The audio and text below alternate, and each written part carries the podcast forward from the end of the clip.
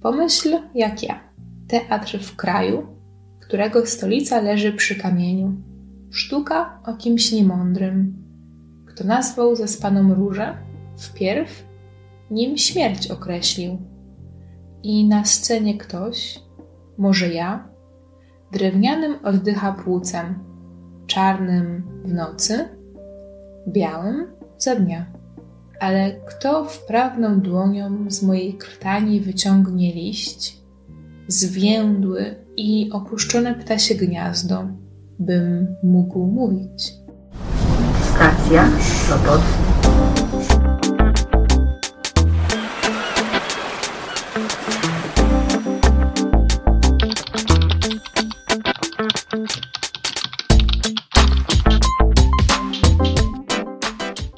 Dzień dobry.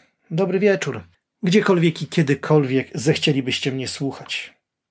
W 34 odcinku Nadmorza wszystkich swoich słuchaczy wita Piotr Wiktor Lorkowski. Wierszem bez tytułu w interpretacji Joanny Kośny przywitała się z nami poezja Sylwestra Seweryna Kołodziejczyka.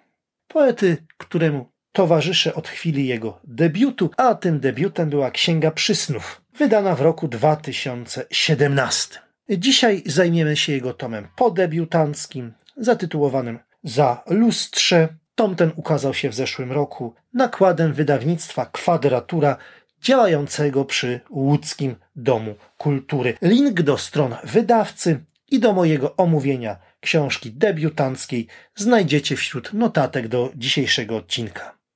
Nie ma co dalej czekać. Po prostu otwieramy ten tomik, wędrujemy na zalustrze, a jest to kraina zupełnie niewidziana i zupełnie niesłychana.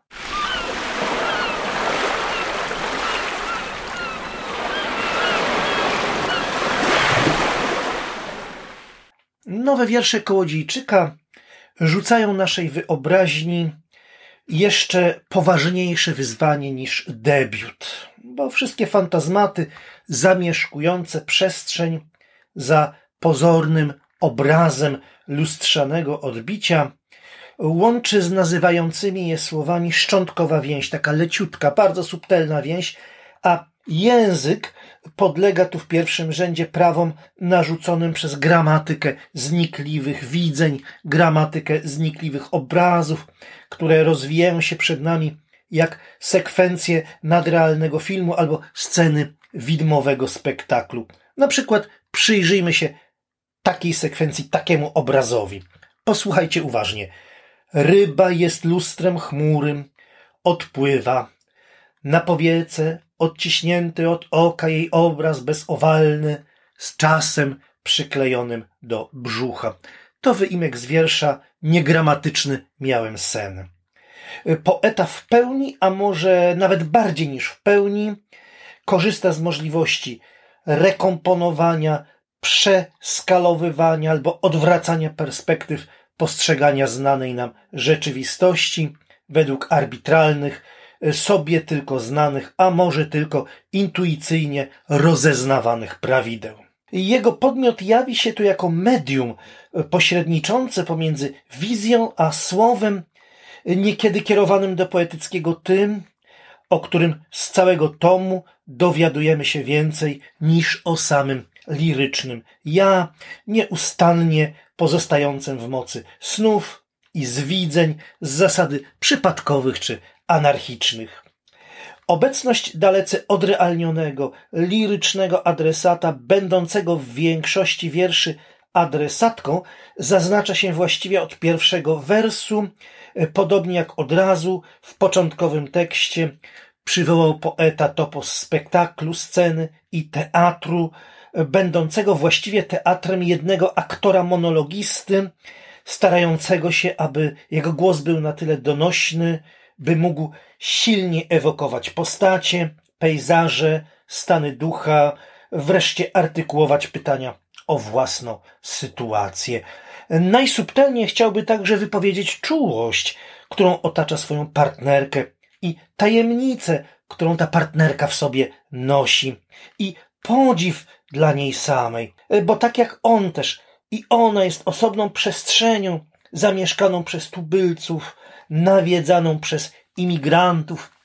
Tutaj chciałbym zwrócić Waszą uwagę na wiersz Ziarenko Piasku z widokiem na Twoje oko, numer jeden i numer dwa, bo dwa wiersze taki właśnie tytuł noszą. Z pewnych względów można nawet powiedzieć, że ta partnerka jest osobnym, podlegającym przemianom, dokonującym własnego obrotu kosmosem. We dwoje najpiękniej prezentują się w krajobrazach zamiejskich, w krajobrazach zmiennych sezonów z ich charakterystycznymi, odpowiednio przeformatowanymi zjawiskami. Tutaj mamy taki przykład bardzo ładny, bardzo bogaty, wiersz Tanta Reneta. I kiedy zestawimy te wiersze z jeszcze jednym tekstem, z tekstem Wieczernik, który jest w gruncie rzeczy ewenementem w ogóle w całości tomu, e, dlatego że ten wiersz niemal modlitewnie został zaadresowany do Boga, do Stwórcy i Sprawcy rzeczy, o których się nawet teologom nie śniło. Uprzedzając nieco swoje dalsze rozważania nad poetyką Zalustrza, mogę już chyba powiedzieć, że ta poetyka kojarzy mi się e, ze słynnym psalmem Celana, właśnie ze względu na wiersz Wieczernik, ale zresztą nie tylko. E, nie tylko ten tekst wskazywałby na powinowactwa kołodziejczykowych wierszy z poezją autora Róży Niczyjej, i to skojarzenia są wcale nieodległe, e, do tego jeszcze wspierane drobnymi, acz wyraźnymi akcentami germańskimi. E, pozwólcie, że oddam w tym miejscu głos samemu autorowi, który tę intuicję pewnie kolejnym wierszem potwierdzi. Wachmeister bezgwiezdnie pokryją na nadgarstku przez cały Altstadt niosłem twoją postać odbitą kropli deszczu. Przez okno nawiało nam snu nad ranem. Z kasztanowej łzy naszego Bronzegarden. I znów nie wstałem na służbę. Niedziela przy niedzieli, podobne obie do ziarnistych augen. Dzień półniemych liści już jutro. I stregany rozstawione na ulicach. Ciemno. Noc czarna. Tęga. Jak order księżyc ciężki przypięty na jej piersi. My tacy mali. Kiedyś kamień jak wino napełniał kamień i krew wyrzucała bursztyn na brzeg pościeli. Zaraz za twoim sercem rosło światło. Słone przeświecało przez płuca i krtani.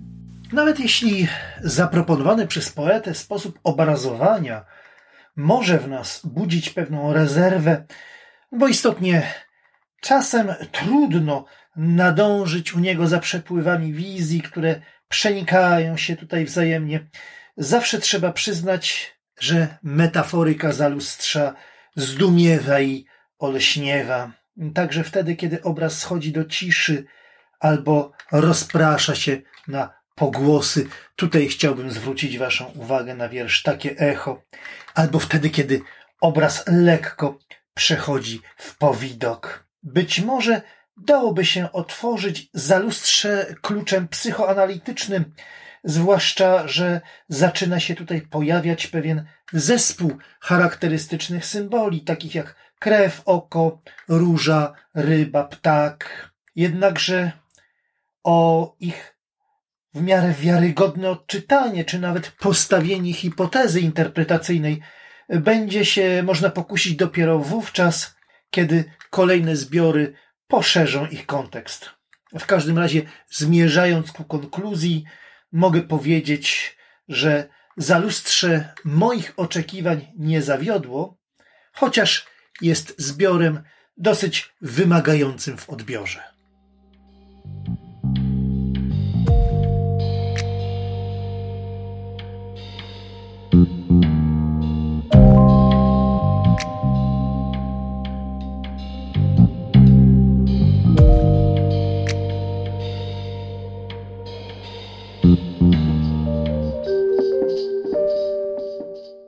Życie literackie, jak sądzę, trochę chyba chce się już ożywić, czego dowodem jest to, że poczta znowu zaczyna przynosić mi książki.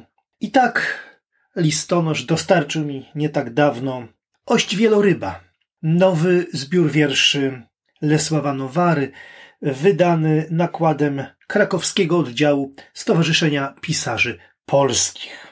Później dotarła do mnie Apokalipsa Psa Adama Leszkiewicza, wydana w Bibliotece Literackiej Kwartalnika nowy napis przy współudziale łódzkiego oddziału Stowarzyszenia Pisarzy Polskich. No i trzecia książka, wydana z nie lada okazji, bo to tom wierszy, opublikowany w 25-leci działalności poetyckiej Tomasza Lipiego Lipskiego, a tomik nosi tytuł Prymityw. Wydany został w Pelplinie przez wydawnictwo Bernardinum. Tomku, gratuluję Ci bardzo serdecznie wspaniałego jubileuszu, a wszystkim autorom, wszystkim wydawcom, którzy o mnie pamiętali, składam szczere, bardzo szczere i bardzo serdeczne podziękowania.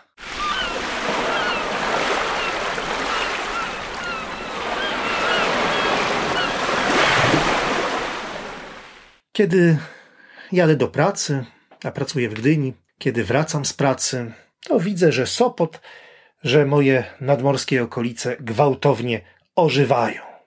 Główna promenada zapełnia się wszystkimi tymi, którzy chcą zobaczyć przestrzeń morza. Zupełnie się im nie dziwię. Przecież wielu z nas dwa ostatnie miesiące spędziły w ciasnej i bardzo takiej nieprzyjemnej izolacji. Natomiast wszystkich, którzy do nas przyjeżdżają, proszę, żeby mimo wszystko zastosowali się do ogólnych zasad wspólnego bezpieczeństwa. No, proszę też, żebyście o tych, którzy ciągle walczą z epidemią, pomyśleli czasami z szacunkiem, pomyśleli z wdzięcznością.